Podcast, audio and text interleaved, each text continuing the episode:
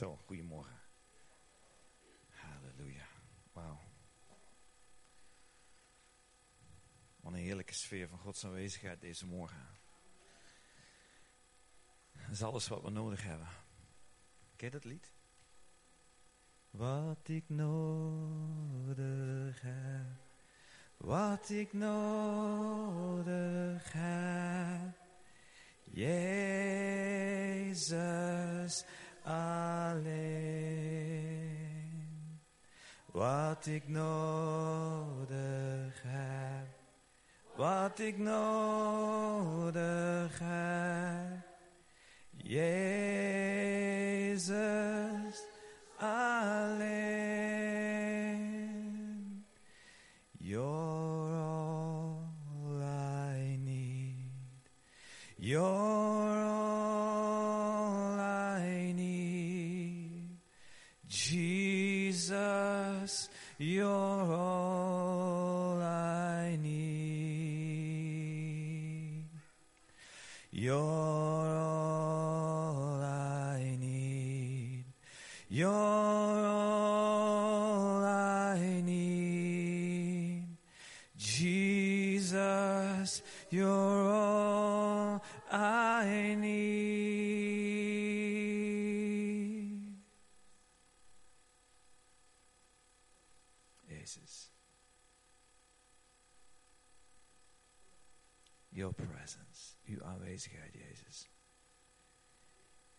Uw tastbare, voelbare, merkbare, ruikbare, waarneembare aanwezigheid, Jezus.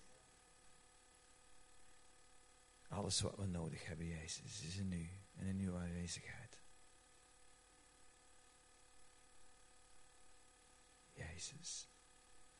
Weet je, neem, neem, neem een minuut en zeg zelf wat liefst tegen Jezus. Ik kan het alleen doen voor mezelf. Neem een minuutje zelf om iets liefs te zijn. Doe het in je hart, doe het hardop, doe het fluisterend, maar zeg iets wat in jou brandt over Jezus. En misschien is het wel Jezus, ik wil zo graag dat u dichterbij komt. Help mij. En ik hou van u. Come on. Jezus. Jezus.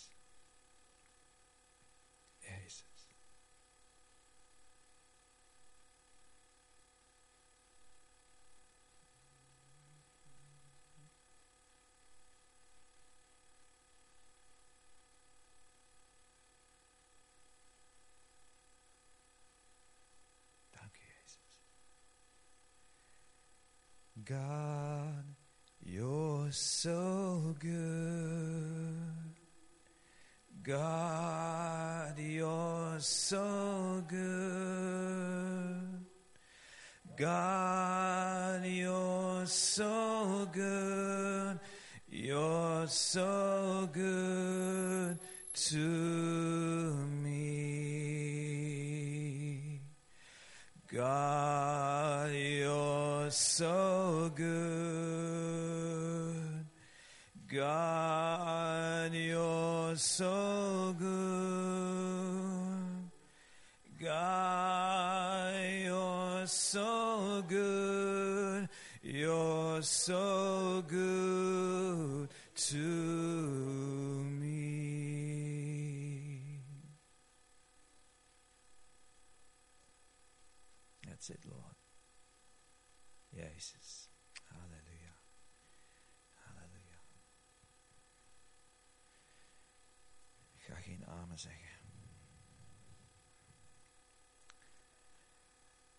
ik, ik voel me een beetje shaky. ehm, maar goed, dat is oké. Ehm, waar ik deze ochtend over wil hebben met je is, ehm, wat ziet God? En de laatste keer dat ik hier was, was het thema, it's not what it looks like. Het is niet wat het lijkt te zijn. Misschien herinneren sommigen zi- zich dat, naar aanleiding van het verhaal van Rut. Ah, en dat, was, oh, dat is wat God tot mij persoonlijk sprak. Het, het, is niet, het, is niet, het is niet zoals het lijkt te zijn.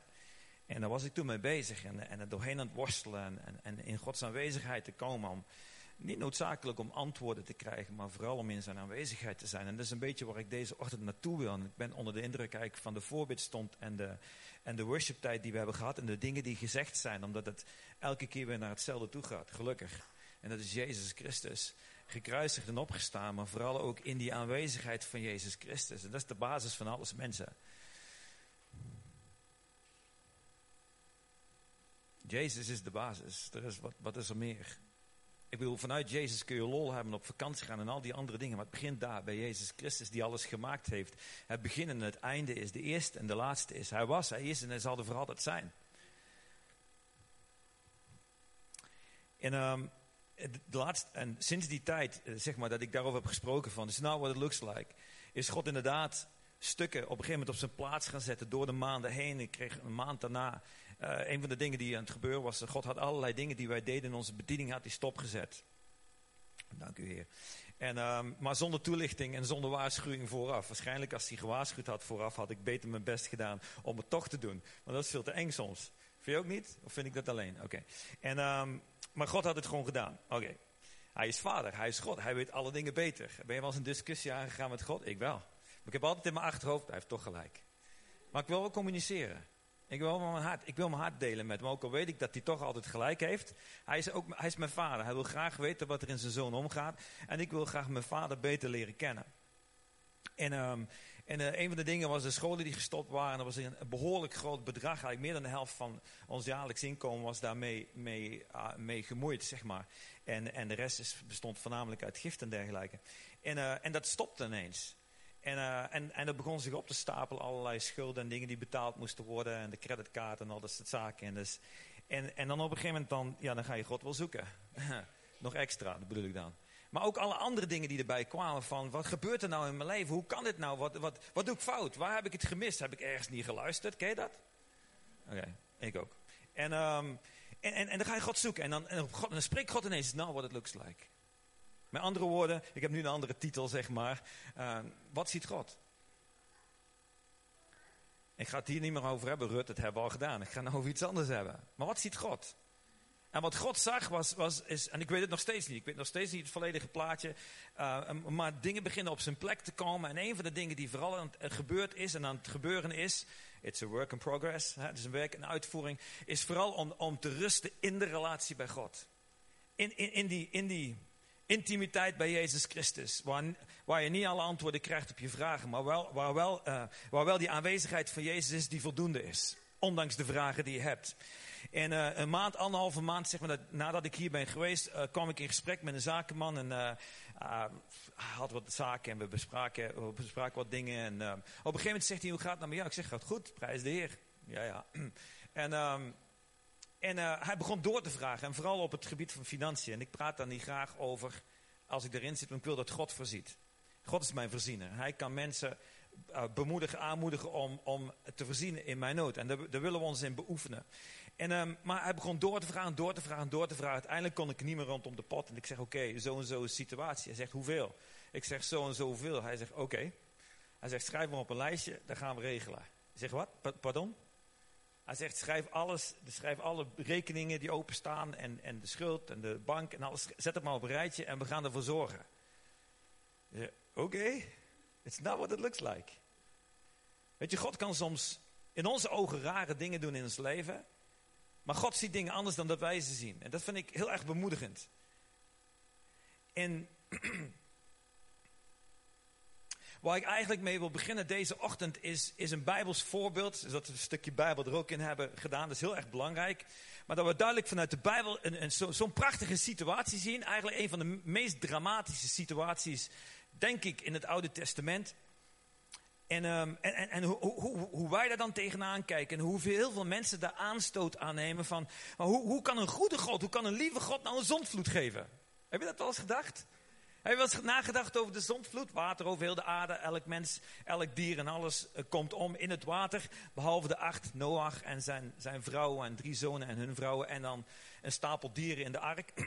en uh, heb je er wel eens over nagedacht van... Oh, wacht eens even, ik begrijp het, hè, het was slecht op de aarde en zo. Maar als God nu goed is, hoe kan hij dan een zondvloed geven op deze wereld en zoiets doen? Uh, die, komt die vraag wel eens bij iemand op? Zo heb je... Zo zijn er meer vragen in het oude. Ik weet dat meer mensen hun hand zouden willen opsteken, maar het gewoon niet doen. Dat is prima. Dat vind ik oké. Maar zo zijn er meer situaties in ons persoonlijk leven, maar ook in de Bijbel waarvan je zegt van, God, u bent goed, maar hier snap ik helemaal niks van. En zo heb ik er een paar nog steeds in, in, mijn, in mijn Bijbel aan, aangekruist, zo met een vraagtekentje. Niet een vraagteken van, Heer, ik snap ik niet hè. En dat het een aanstoot wordt. Je kunt soms een vraag hebben uit je persoonlijk leven. Of een vraag vanuit de Bijbel. Iets wat je totaal niet begrijpt. Van wat Gods rol daar nou in is. En dat je, en dat je de aanstoot aan neemt. Wat is aanstoot nemen? Dat betekent je hebt een vraag. En je wacht met doorgaan. In je relatie met God. Totdat je een antwoord hebt. Zo, zo bijvoorbeeld met ziekte. Wij geloven in Gods volmaakte wil. En Gods volmaakte wil is dat hij iedereen gezond wil hebben. Punt. Kan ik Bijbels onderbouwen met heel veel tekst. Ga ik nu niet doen. Maar de streamer van Jezus Christus, door de streamer van Jezus Christus is ons gezondheid geworden. Jezus heeft geleden, het is volbracht. Net zo goed als dat hij aan het kruis heeft geleden, het is volbracht. Eens en voor altijd voor ieder mens. Is het volbracht. Je moet wel komen om het op te halen, maar het is volbracht. Dus ik geloof dat Gods volmaakte, perfecte wil is dat iedereen die bij hem komt genezen wordt. Zie ik dat gebeuren? Nog niet. In onze persoonlijke levens, in de mensen waarvoor ik heb gebeden, kom ik in situaties en een uur later krijg ik een telefoontje is overleden. Dat is niet waarvoor ik naar het ziekenhuis ben gegaan. Vraagteken. Daar is water voor.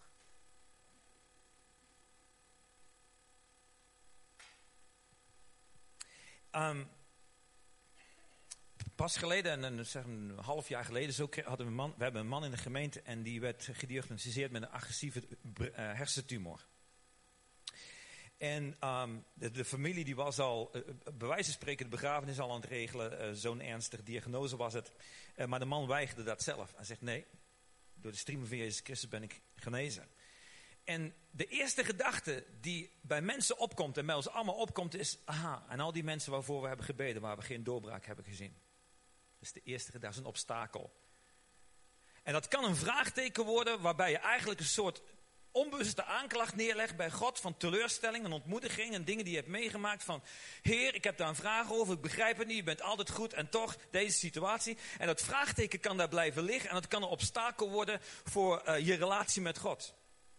In, dit, in deze situatie kan zo'n vraagteken een obstakel worden om opnieuw voor deze man volop 100% te geloven. Door de streamer van Jezus Christus is deze man genezen. Begrijp je wat ik bedoel? En uh, we gingen voor die man bidden en bovenal hij begon zichzelf ook elke keer te zeggen. Elke dag legde hij zijn hand op zijn hoofd en zegende hij meerdere keer per dag. Zegende hij zijn, zijn hersenen op die plaats en zegt door de streamen van Jezus ben ik gezond. Ik zegen mijn hersenen, ik zegen mijn hersenen, ik zegen mijn hersenen. En elke keer dat we dienst hadden of gebedsavond hadden, elke keer legden we deze man de handen op. En spraken we genezing in de naam van Jezus Christus. Ik ga niet smeken en vragen om iets wat al gegeven is. Ik ga proclameren wat in de hemel al gegeven is. Dat is het Bijbelse principe. Tot onze Vader. Uw wil moet geschieden op aarde zoals het reeds in de hemel is. Uw koninkrijk moet komen. Deze dingen zijn van het koninkrijk. Deze dingen zijn Gods wil. Zodra ik dat weet, mogen we gaan gebieden wat God reeds al in de hemel heeft geboden en gesproken. En dus dat hebben we elke keer gedaan. Elke keer de handen opgelegd. En ondertussen had hij uh, chemo en bestraling. En uh, hij moest eerst uh, geopereerd worden. was een redelijk riskante operatie om dat, die tumor weg te halen omdat de dingen geraad kunnen worden, et cetera, et cetera. Niks gebeurt, perfect. Alles perfect volmaakt verlopen. De doktoren zeiden toen maar, het is een agressieve en we kunnen niet zeg maar, die haardingetjes weghalen, dat groeit terug. Daar moeten we gaan bestralen en dat is gewoon zeg maar, om de boel te remmen en te rekken. Oké, dat is wat de dokter zegt, prima. Maar dokter Jezus zegt iets anders en dat gaan we uitspreken. Dat gaan we proclameren, spreken over deze situatie. Dokter Jezus, u zegt dat deze tumor volkomen weg is genomen in de naam van Jezus Christus. Weet je, het is een samenwerkende situaties. God heeft een zegen gegeven van ziekenhuizen en goede artsen en goede verplegingen. Ook goede medicatie. Prijs de Heer. Maar het is goed om elke keer eerst naar Jezus te gaan. Het is goed om elke keer als je die medicijnen in je mond gaat stoppen, zeggen in de naam van Jezus, ik zegen dit. Alles wat mijn mond binnengaat, is gezegend. Dat zal mij goed doen. En, um, en de doktoren hadden gezegd van luister, het is een remmen, maar die tumor is agressief, die groeit terug. Dat gaat niet weg. En um, wij zeiden, oké, dokter Jezus zegt iets anders. We zijn gaan bidden en we hebben de hemelse bestraling toegepast. De heilige geestbestraling. Jezus zegt, Johannes zegt, uh, die na mij komt zal dopen met geest en met... Voilà, hemelse bestraling. En, um, En we zijn het gaan spreken over hem en elke keer in de naam van Jezus Christus. Op een gegeven moment, we dus de gemeente. En op een gegeven moment ehm, moest hij terug voor uh, een NMR, geloof ik, is dat het is. Dus iets anders dan een MRI, iets van de hersenen kunnen ze dat heel goed zien. En, ze hebben hem, die scan gemaakt en ze konden niks vinden. Hoppa. Dank u Jezus. Nu, de doktoren zeggen, u moet nog wel, uh, jullie, u moet nog wel behandeling blijven hebben dus. Hij heeft die behandeling, uh, heeft de verdere behandeling met pilletjes doorgezet. We zegenen dat in de naam van Jezus Christus. Maar het feit dat die tumor weg is gebleven, niet terug is gegroeid, is een wonder. Hebben de doktoren van tevoren gezegd, die komt weer terug. Agressieve vorm. Wel, de Heilige Geest is agressiever. Maar begrijp je, begrijp je de... Tegen de duivel toch zeker? Tegen de duivel toch zeker? Jezus is gekomen, 1 Johannes 3 vers 18. Jezus is gekomen om de werken van de duisternis te verbreken. Ja, dat is behoorlijk agressief. En, um, en, we prijzen Jezus voor dit, voor, dit, voor dit wonder wat hij gedaan heeft. En we zijn nog steeds aan het doorbidden. We hebben gezegd, we bidden net zo lang door tot het 100% is. En daarna gaan we door met danken. Zodat het niet terugkomt. In de naam van Jezus Christus.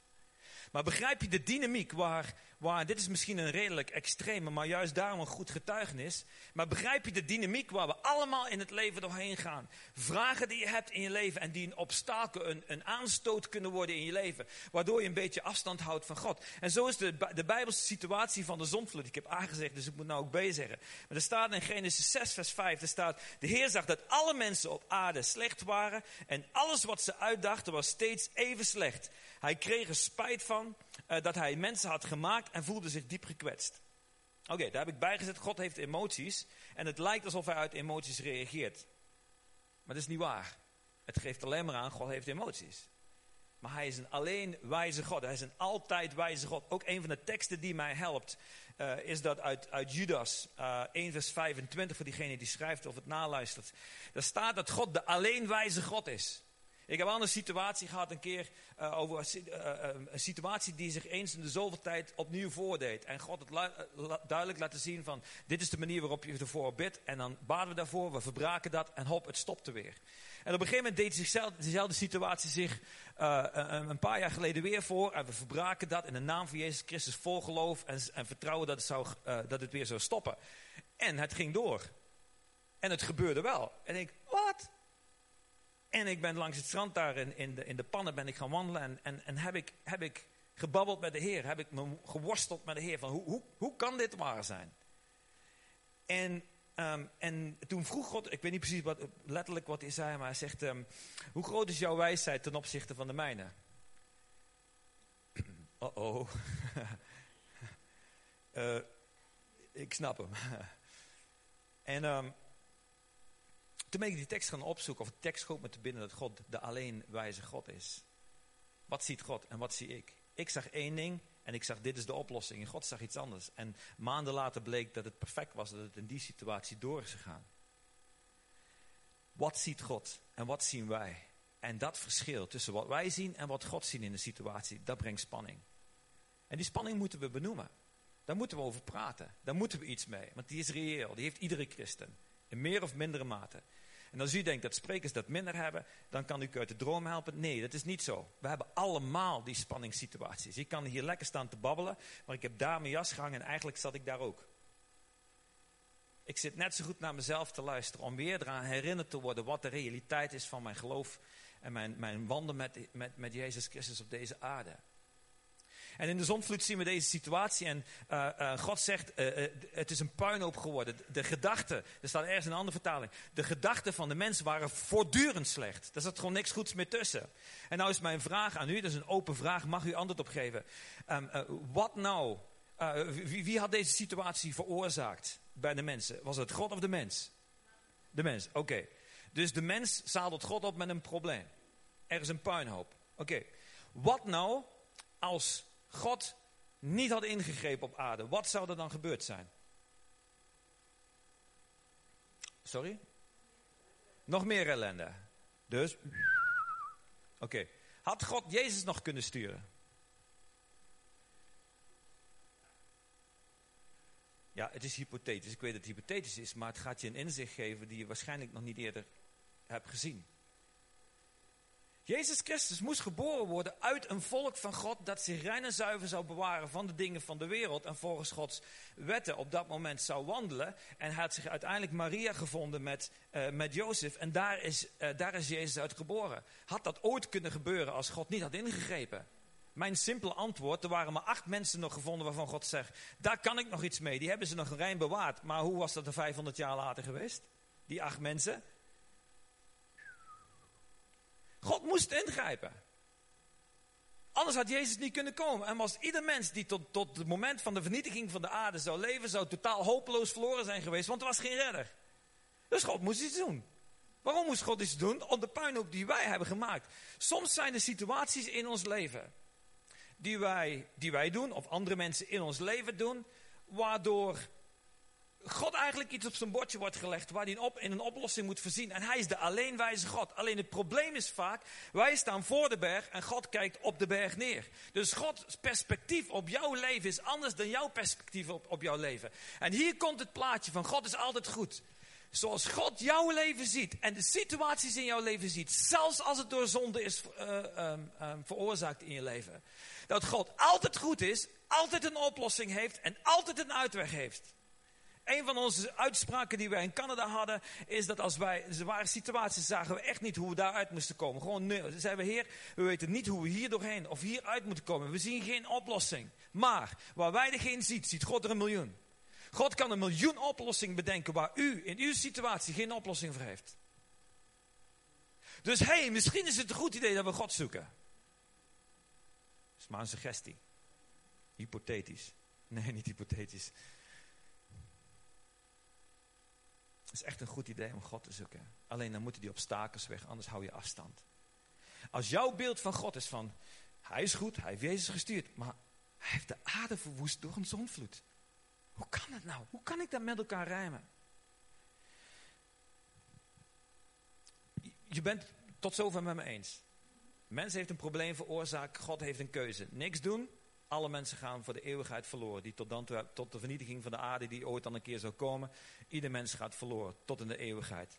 Ofwel, God doet wel iets zodanig dat er uiteindelijk een volk kan zijn en dat daaruit Jezus Christus zelf geboren wordt. Oké, dus God kiest, ik moet, ik moet met acht mensen verder gaan en dan zorgen dat uiteindelijk daar een volk van, van mij uit voortkomt door Abraham, Isaac, Jacob. En dat er uiteindelijk Maria is die door de Heilige Geest bevrucht kan worden en door wordt Jezus Christus geboren. En daar zijn we op dit moment beland. Zou je met mij willen gaan naar 1 Petrus 2?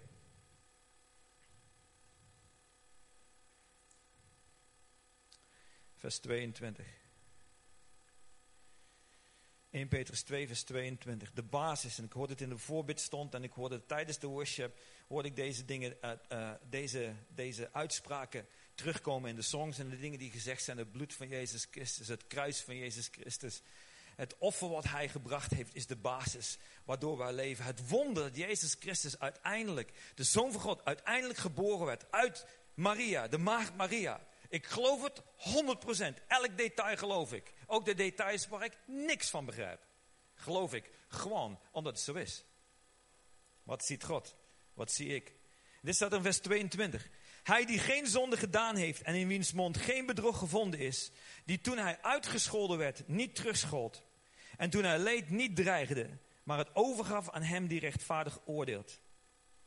Jezus, vers 24, die zelf onze zonde in zijn lichaam gedragen heeft op het hout. Opdat wij voor de zondedood, voor de gerechtigheid zouden leven. Door zijn striemen bent u genezen.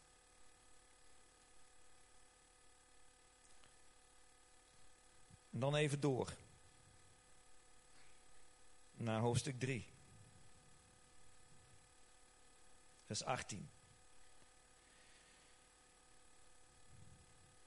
Want ook Christus heeft eenmaal voor de zonde geleden. Hij die rechtvaardig was voor onrechtvaardigen. Jij, ik, wij, de mensen. Opdat hij ons tot God zou brengen. Hij is wel te dood gebracht in het vlees, in zijn lichaam, maar levend gemaakt door de Heilige Geest. Door wie, de Heilige Geest, hij ook, toen hij heen ging, aan de overledenen, de geesten, in de gevangenis gepredikt heeft. Namelijk aan hen die voorheen ongehoorzaam waren, toen God in zijn geduld nog eenmaal wachtte, 100 jaar namelijk, in de dagen van Noach. Terwijl de ark gebouwd werd, waarin weinige, dat is acht mensen, behouden werden. Door het, door het water heen. En dat spreekt dan verder over de doop. Maar wat staat hier? Wat hier staat is dit. God moest een beslissing nemen. Zodat zijn zoon Jezus Christus kon komen. Jezus Christus, God, die mens werd, al zijn goddelijke koninklijke waardigheid achterliet in de hemel. En geboren werd als een babytje. Gevoed moest worden door Maria. Gekleed moest worden door Maria. Opgevoed moest worden door Jozef en Maria. Opgroeide als een mens. Zich liet dopen in water. Als mens. Vervuld werd met de Heilige Geest en de Heilige Geest kwam op hem. Net zoals bij ons. In de bediening gingen vele, veel tegenstand en volging heeft gehad. Elke zieke die bij hem kwam genas en het woord van God predikte. En dan na drieënhalf jaar bediening naar het kruis toe ging en aan het kruis zijn leven gaf. Voor de zonde van de mensheid. Voor elke zonde van de mensheid. Zijn leven daar aan het kruis gaf. Jezus Christus, God zelf, die de mens gemaakt heeft, God zelf, die naar de aarde komt als mens en vervolgens daar naakt aan het kruis laat slaan, want zo deden de Romeinen dat, en een gruwelijke dood heeft, uh, heeft geleden, tot aan de dood heeft geleden, op een gruwelijke wijze, en toen gestorven is, begraven is in een graf, en dan staat er in deze tekst dat hij afgedaald is naar het dodenrijk. Dat is waar mensen naartoe gaan die sterven, tenminste mensen zonder Jezus. En wat deed hij daar dan? Volgens die tekst, ik sta niks te verzinnen. U hebt het net zelf gelezen. En in Efeze 4 vers 7 kun je erover lezen. En hoofdstuk 4 van 1 Peter zegt hij daar nog iets over. Wat deed Jezus daar? Hij ging vervolgens naar de mensen die in de zondvloed zijn omgekomen. En zei, lieve mensen, dit was de reden van de zondvloed. Jullie waren door en door slecht. Wij moesten iets doen, zodat ik mijzelf kon laten vernederen aan het kruis. Ik, de Zoon van God, heb mij vernederd aan het kruis voor jullie, om jullie als eerste mij te tonen. Dit zijn, dit zijn de wonden in mijn handen en in mijn voeten. Dit zijn de wonden op mijn lichaam, voor jullie geslagen, voor jullie gegeven, zodat jullie kunnen gered worden. Willen jullie dit evangelie van mijn redding voor jullie zonde aannemen of niet? Ik, er staat niks over hoeveel mensen ja en hoeveel mensen nee zijn. Maar het antwoord lijkt mij behoorlijk voor de hand liggend.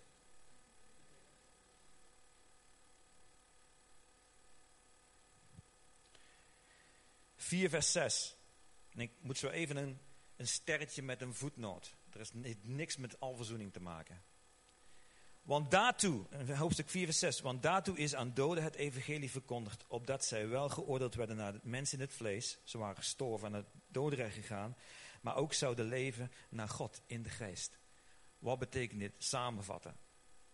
Dit heeft niks te maken met alverzoening. Dit heeft te maken met de mensen die overleden waren voordat Jezus kwam.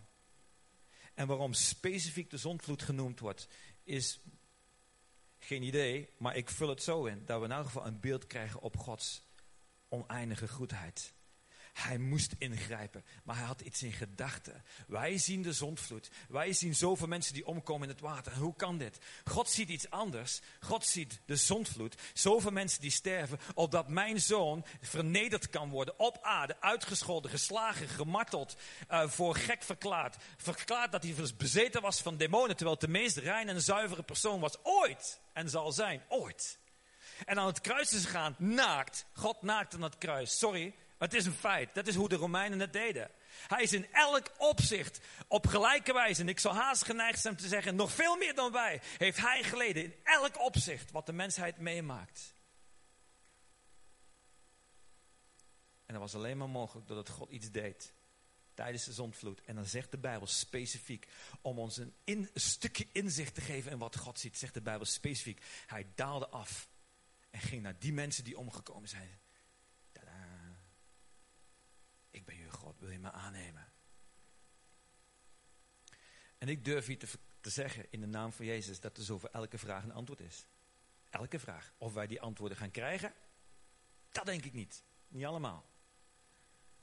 Maar het is prachtig als God inzichten geeft in, in dingen die gebeuren in ons dagelijks leven. En het is prachtig als God inzichten geeft vanuit zijn eigen woord over situaties waar wij zeggen, Volgende onderwerp, en hier snap ik Gods rol helemaal niet in. Dat er iets is wat wij verkeerd zien. En dat we mogen vragen, Heer, laat me zien wat u ziet in die situatie. En dan zal je totale visie veranderen. En als we dat gaan, als we dat gaan doen, als we in situaties zijn en zeggen, ook met betrekking tot personen. Er zijn personen waar ik helemaal niet mee om wil gaan. Gewoon om, gewoon, niet gewoon. Ik vergeef ze, ik hou van ze, maar ik vind ze niet aardig. Jezus zegt, hou van je vijand, niet vind je vijanden aardig. Dat is een verschil. Hou van is krachtiger, dat wel. Want zo lief heeft God de wereld gehad. Dat hij Jezus gezonden heeft voor jou en voor mij. Maar er zijn personen die zulke afschuwelijke dingen uitgehaald hebben. En er is er één van waarvan ik weet dat hij nog steeds doet. Dat ik denk van, dit gaat mijn pet te boven. En dan moet ik aan God vragen, maar wat ziet u? Wat ziet u in deze mens? Wat ziet u in deze persoon? En als je die vraag stelt, weet je, oh, nu ik het zelf zo zeg, onmiddellijk is daar het gevoel van, oeps, wie ben ik? Om te oordelen.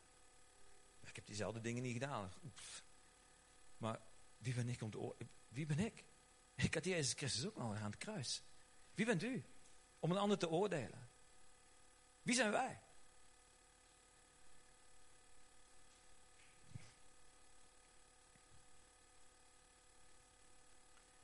Ik, ben veel met dit onderwerp bezig. Ik heb in, in onze gemeente hebben we er vier zondagen aan besteed. Drie zondagen over gesproken. Afgelopen zondag drie mensen gevraagd. Geef een getuigenis alsjeblieft naar aanleiding van wat we de laatste weken hebben besproken. Hoe dat in jouw situatie, in jouw relatie met Jezus uh, vorm heeft gekregen. En hoe dat een doorbraak heeft gekregen, jouw relatie met Jezus Christus. En daar wil ik nu naartoe.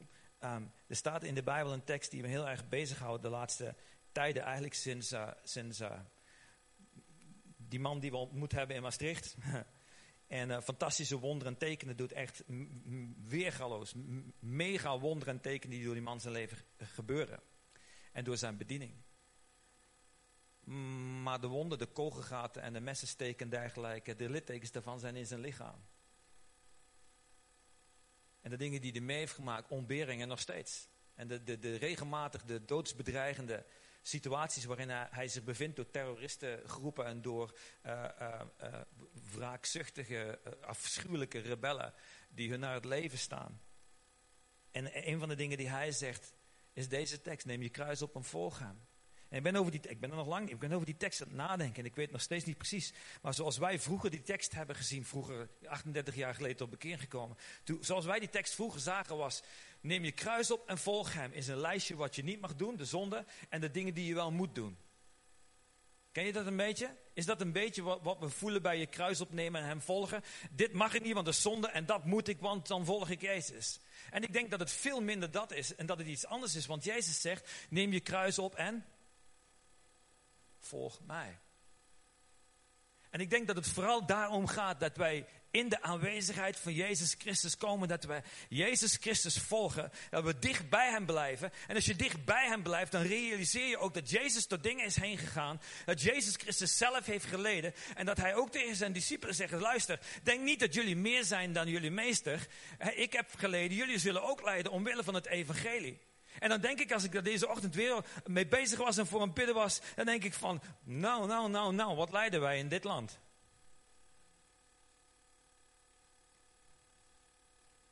Ik, ik wil op geen enkele wijze jouw situatie onder een mat schuiven. Want er zijn hele ernstige situaties waar sommigen mee zitten. En zo ken ik er een paar. Maar hoe vaak, ook ga even hier zitten, hoe vaak, hoe vaak, hoe vaak is het zo dat er situaties zijn en beginnen te mopperen. En zijn een beetje geïrriteerd en gefrustreerd. En, en, en, en moeten we daar niet gewoon eens mee stoppen? Halleluja, Paul. Dat doet pijn dat je dat zegt. Oké. Dat ben ik zelf die dat zegt. Ik zit soms te mopperen en ben geïrriteerd over de dingen. Waar gaat dit over? Is dit, dan is dit alles kruis opnemen als het deze situaties zijn? Ik krijg berichten binnen van, van, van twintig kerken die worden platgebrand in India. En gezinnen die christenen zijn. En die moeten vluchten voor, voor, voor mensen met, met kapmessen en dergelijke die in willen vermoorden. Heb jij wel eens best stilgestaan wat het is om, om Christus wil, gevangen te zitten in de gevangenis. En dat je weet dat ze je kinderen en je vrouw bedreigen. En wat doe je dan nog met je geloof? Ik denk er wel eens aan en dat helpt mij om dan eens uit te schrijven met, met zielig te doen.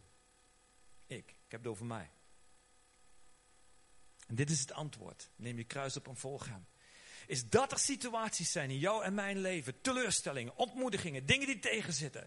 Dingen die, eh, ziekte, ziektesituaties waarvan we weten het is niet Gods wil, maar het is er wel. En ik heb nog geen overwinning. Hoe moet dit? Hoe kan dit? En dat we, dat we zeggen van oké, dit is een realiteit, maar ik ga dat geen aanstoot laten worden in mijn relatie met God. En dit is precies wat de duivel wil doen. Hij wil situaties in jouw persoonlijke leven nemen, teleurstellingen en ontmoedigingen. Dingen die tegenzitten.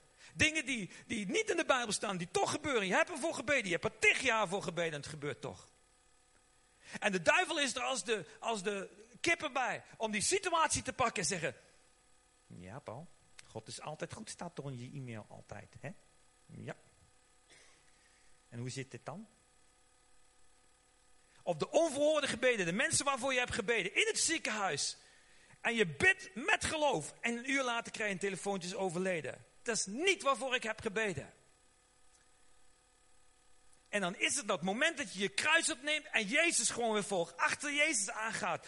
Dat je niet zegt, Jezus, hoe zit dat? En ik stel die vragen wel eens, maar ik stel ze niet om een antwoord te krijgen. Ik stel ze om mijn hart uit te storten. Want ik weet dat sommige vragen niet beantwoord worden. En dit soort vragen vaak niet beantwoord worden. Maar ik wil mijn hart uitstorten, want ik wil mijn hart clean houden, schoon houden. Ik wil niet dat er bitterheid tegen God komt. Paul, bitterheid tegen God? Je bent, je bent toch een zoon van God? Ja, ik ben een zoon van God, maar ik sta in de wereld ben niet van de wereld, maar sta er wel in. Ik maak ook dingen mee. En die wil de duivel gebruiken om ze tot bitterheid en boosheid in mijn hart te maken. Met maar één doel. Afstand nemen van God. En dat kan heel subtiel.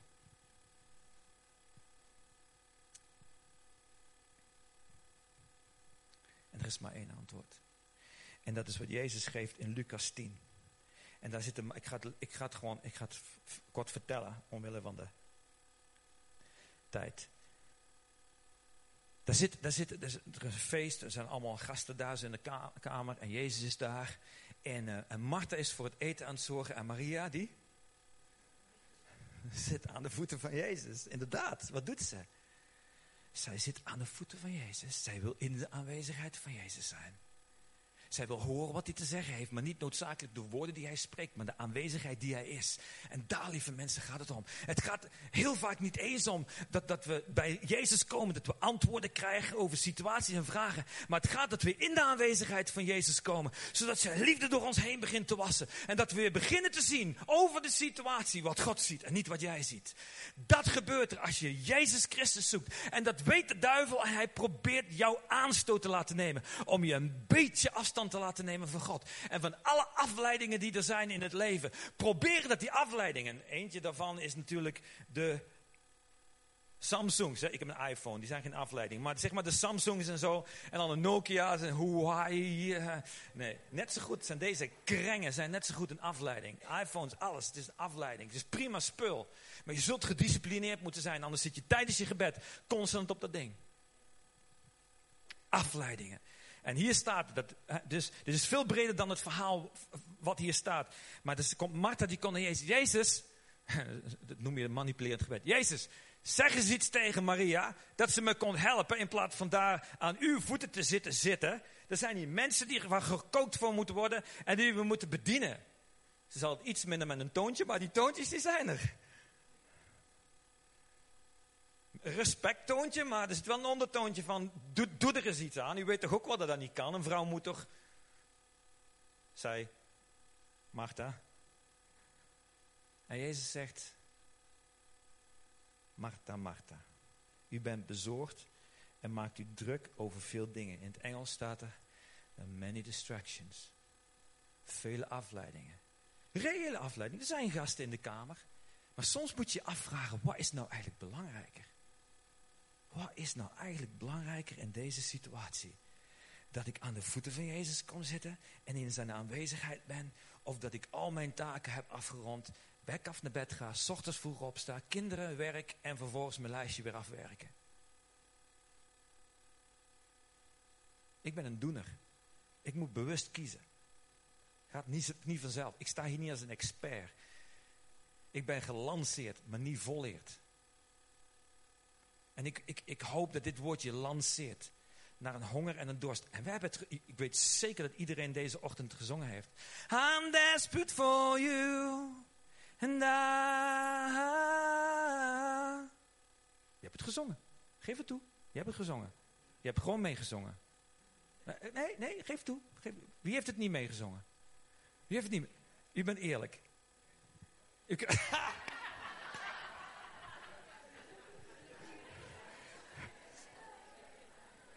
Ik krijg in Engels. Weet u wat het betekent? Nee. Wat vind ik dat heerlijk eerlijk. Ik ben wanhopig naar u. Naar uw aanwezigheid. Is dat zo? Is dat echt waar? Oké. Dat is wat God wil. En als je het niet hebt, zoals ik geregeld door de jaren heen momenten heb dat ik dat gewoon bij lange na niet heb, heb ik gewoon geen zin. Ben ik afgeleid, druk. Andere redenen. Gewoon dat het, niet dat het niet loopt. Dan zit je in aanwezigheid van de Heer na, minuut, na vier minuten denk je van nou, dat gaat nergens naartoe. Ik ben alleen maar met andere dingen bezig in mijn kop. Heer, ik kom later wel terug. Soms moet je echt moeite doen. En echt, Jezus zegt, en dan zegt Jezus dit. Slechts één ding, in het Grieks staat er, en in het Engels vertaling staat ook, of necessity. Noodzakelijk. In het Grieks staat het ook als een van de betekenissen van het woord. Noodzakelijk. Slechts één ding is noodzakelijk. En Maria heeft het goede deel uitgekozen. En dat zal niet van haar worden afgenomen. Slechts één ding is noodzakelijk. Ja, maar Paul? Ja, maar Paul? Ja, maar, ja, maar Paul? De kinderen. En, en, en mijn job dan? Dat zijn goede redenen. En het huis moet schoon. En, uh, en, en, en... Het zijn allemaal goede redenen. Maar het is wonderlijk dat Jezus zegt, zegt slechts één ding is noodzakelijk. Daarmee zegt hij niet, leg je taken maar neer in de gemeente en laat je kinderen maar verkommeren en je, je baan, uh, zegt hij maar af. Het gaat om prioriteit stellen in je leven. Wat is het belangrijkste in je leven? En er is altijd ergens tijd te vinden voor het belangrijkste. Maar je moet er moeite voor doen. Ik moet er moeite voor doen. Om die aanwezigheid van Jezus te komen. Plat op mijn gezicht. Een, een aantal weken geleden was ik zo. En, uh, ik, ik had zo'n aantal dingen die ik gewoon totaal nog steeds niet begrijp. En, en um, ik was echt een heer. Ik zeg, ik zeg, mijn geloof op dat vlak staat onder druk. Ik begrijp niet. Tientallen jaren, beloftes en dit en dat. En ik zie nog steeds niet dat het ik weet zeker dat die profetieën waar zijn. Want toen hij dat woord gaf, werd ik, zei, toen zei God tegen mij over een bepaald woord waar ik het onder meer over had. Heer, u zei tegen mij, om zodat je weet dat ik echt spreek, neem ik nu de migraine hoofdpijn weg. En boef, hoofdpijn weg. Dus ik weet dat God gesproken heeft. Dat is nog steeds, dat is nu een beetje aan het gebeuren, nu. En ik, ik, ik, ik, lag op de grond. Ik, was gewoon in, ik wou in zijn aanwezigheid zijn. En ik wou mijn hart leegmaken voor hem. Uitstorten voor hem. En, en gewoon zijn, zijn antwoord in de, in, ontvangen in de zin van zijn aanwezigheid. Niet noodzakelijk een antwoord op mijn vraag. En diezelfde dag, uh, een profeetvriend uit Amerika. Die stuurt een berichtje toe, letterlijk. Er staat dit. At the time, destijds, heb ik besloten. En mijn woorden zullen waarheid worden. Hoe is het mogelijk? Je kunt vertrouwen wat ik zeg over de toekomst. Ik, weet, ik lees het voor omdat ik weet dat dit voor sommigen van jullie bestemd is. Daarom lees ik het voor, maar het was ook voor mij. Dus je kunt, me vertrouwen, kunt vertrouwen wat ik zeg over de toekomst. Het kan een lange tijd duren. Haha. Maar blijf wachten. Het zal gebeuren. Oké. En dan staat er een tekst onder. Want we leven uit geloof en niet wat wij zien met onze ogen. Wat ziet God? Wat zie ik? Kom ik in de aanwezigheid van Jezus, begin ik te zien wat God ziet, want ik kreeg een antwoord. Diezelfde dag van iemand die niks wist wat ik, waar ik mee bezig was. En dan staat eronder, don't give up, geef niet op. Oké, mijn geloof gaat niet naar beneden op dat vlak. Just, uh, net, als dat je, net als je denkt dat het over en sluiten is, zegt God, sta op en spreek vandaag de beloftes van God. Als jij voelt dat het onder druk staat en dat je eigenlijk ziet van, het zal mij wel, dan sta je op en begin die beloftes weer opnieuw te verklaren als je weet dat de beloftes van God zijn. Maar boven alles, kom in de aanwezigheid van Jezus. Pak je gemakkelijke stoel. Is het voor jou het bos? Ga naar het bos. Is het voor jou aan een kanaal? Ga naar het kanaal. Is het voor jou op bed liggen en je weet dat je dan niet in slaap valt. Voor mij is dat een no-go. Voor mij is dat, oh Heer, heerlijk. Dank u Jezus. En een uur later word ik wakker uit de aanwezigheid van de Heer. Dus dat is voor mij prettig af en toe, maar dat, is, werkt niet echt. Dus dan ik ben wel stil voor de Heer, dat is waar. Dus, dank u. Dank u voor deze bemoediging. God ziet altijd weer iets anders dan dat, dat ik zie. Amen. Sorry? Welke? Ja, dat, dat, is een appje van. Nou, dit is eigenlijk een verdraaid goede vraag. Dat is, um, dat is wel een tekst. Dat is een Habakkuk 2, vers 3. En dat is uit een uh, CEV-vertaling. Geen flauw idee dat is, met het is Engels. Maar Habakkuk 2, vers 3 handelt daar wel over. En dan uh, de andere is, uh, want we leven uit geloof en niet wat we zien met onze ogen. Dat is 2 Korinthe 5, vers 7. Goed. Ik sluit af. En wat ik eigenlijk wil doen, ik heb aan de geluidsman een, een, een instrumentaal nummer gevraagd om dat op te, op te, niet instrumentaal, ze zingt er wel bij. En ik wil, mag ik een paar minuten nemen? Um, ik zou u willen uitnodigen en ik zou u willen helpen om, om een van de dingen die je thuis kunt doen. En uh, ik wil je vragen om je ogen te sluiten alvast. Het gaat, nu, het gaat nu om tussen jou en mij. Er is niemand die, die gaat rondkijken of jij wel meedoet. Het is totaal niet interessant. Want je gaat niks, niks uiterlijks doen. Je gaat iets innerlijks doen. Jouw hart. Jouw eigen hart is belangrijk. Lieve dochter, lieve zoon. Jouw eigen hart. En ik verbreek op dit moment elke vorm van aanklacht en beschuldiging over jouw hart. Van dingen die fout zijn gegaan. Bij sommigen is het, ja, jemig, ja, ik weet het. Ik heb daar helemaal verwaarloosd. En je voelt je schuldig. Dat is een blokkade. We verbreken die schuld in Jezus' naam. We verbreken die aanklacht nu in Jezus' naam. In Jezus' naam. Alsjeblieft, voel je niet aangeklaagd als je al heb je een jaar niks, al heb je nog nooit iets gedaan. Al ben je hier nieuw en is dit allemaal nieuw voor je. Jezus is zo totaal anders. Hij kijkt anders naar jou dan dat jij naar jezelf kijkt. Hij is totale genade. Dus ik verbreek elke aanklacht, elke schuld. Is er iets wat je te binnen schiet wat echt zonde is, dan zeg je gewoon, Vader, het spijt mij. Dank u voor vergeving. Weg. Ik wil vragen, wil je de muziek aanzetten alsjeblieft? En ik wil je uitnodigen, weet je, dit is tussen jou en jouw vader, tussen jou en jouw Jezus. Ik kan niet voor jou dit gebed bidden, maar als je dit wil, zeg dan, Vader, ik wil je in deze tijd ontmoeten. Ik wil u ontmoeten. Ik wil u ervaren. Ik wil uw liefde ontvangen. Come on, zeg iets zachtjes in je hart en dan ontvang dit. En probeer je gedachten en je hart op Jezus te houden, de Vader.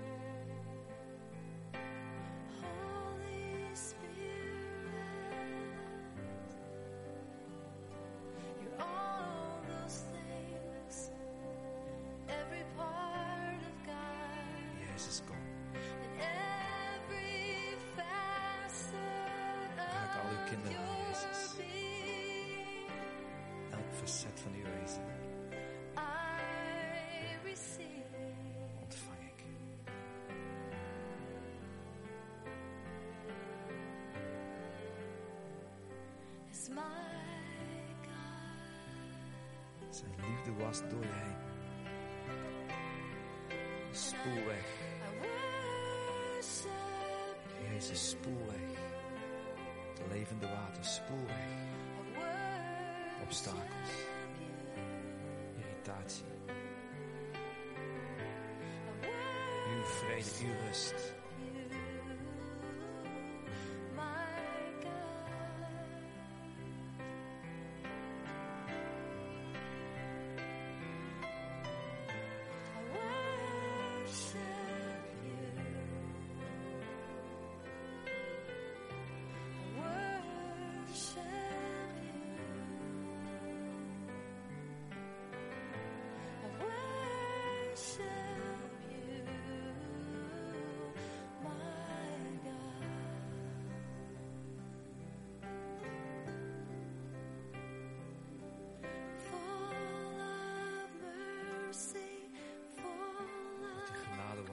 Jezus, uw genade. Uw genade. Uw genade. Ik verbreek elk juk. In Jezus' naam. Ik gebied jukken en lasten te wijken voor de aanwezigheid van Jezus.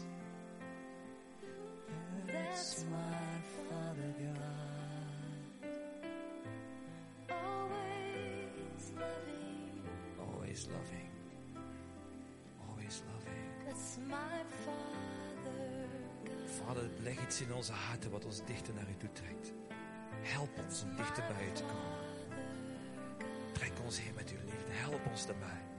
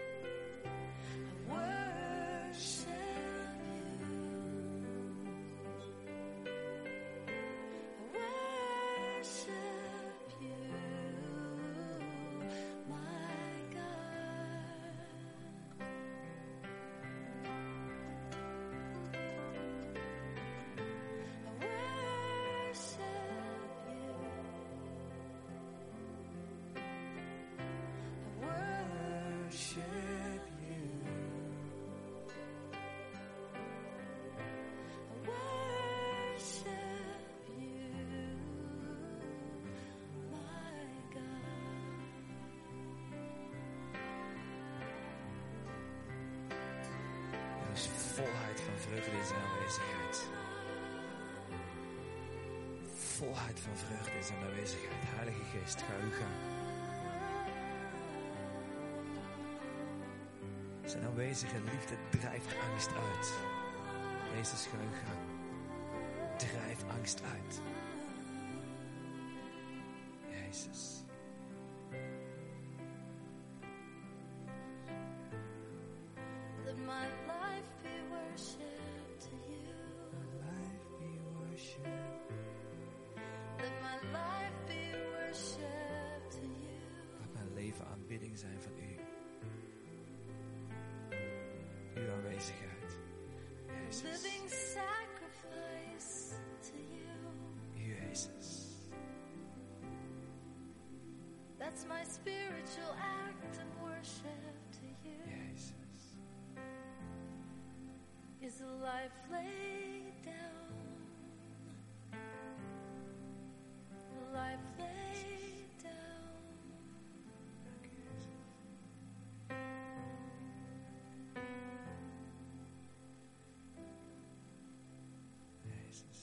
Je wil, leg je hand op je hart. Dan wil ik graag voor je bidden.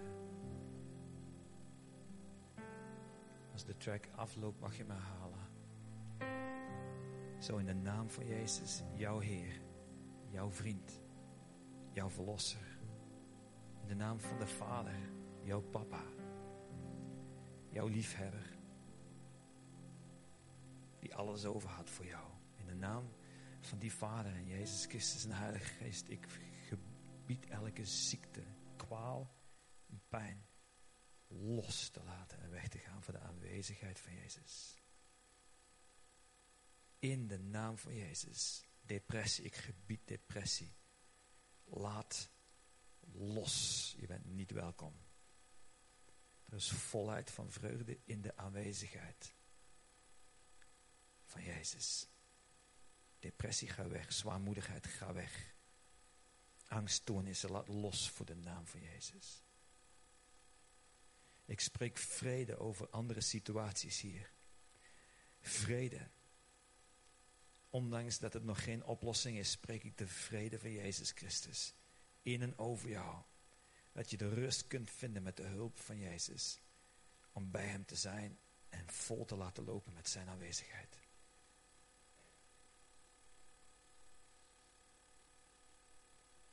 Wees vol opnieuw met de Heilige Geest. En met Zijn vrede, waartoe je geroepen bent.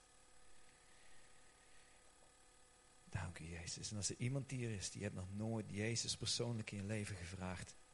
Ik wil vragen of iedereen gewoon zijn ogen dicht houdt. Als jij dat bent, je zegt, ik, ik ben nieuw, ik heb dit nog nooit gedaan. Maar dit is, dit is wel de Jezus die ik wil ontmoeten. Mag ik dan je hand zien? Mogen we dan voor je bidden? Als jij hier bent, je hebt Jezus nog nooit persoonlijk gevraagd. Kom in mijn hart. Als jij dat bent en je wilt het wel, steek dan even je hand op dat ik dat kan zien en voor je kan bidden.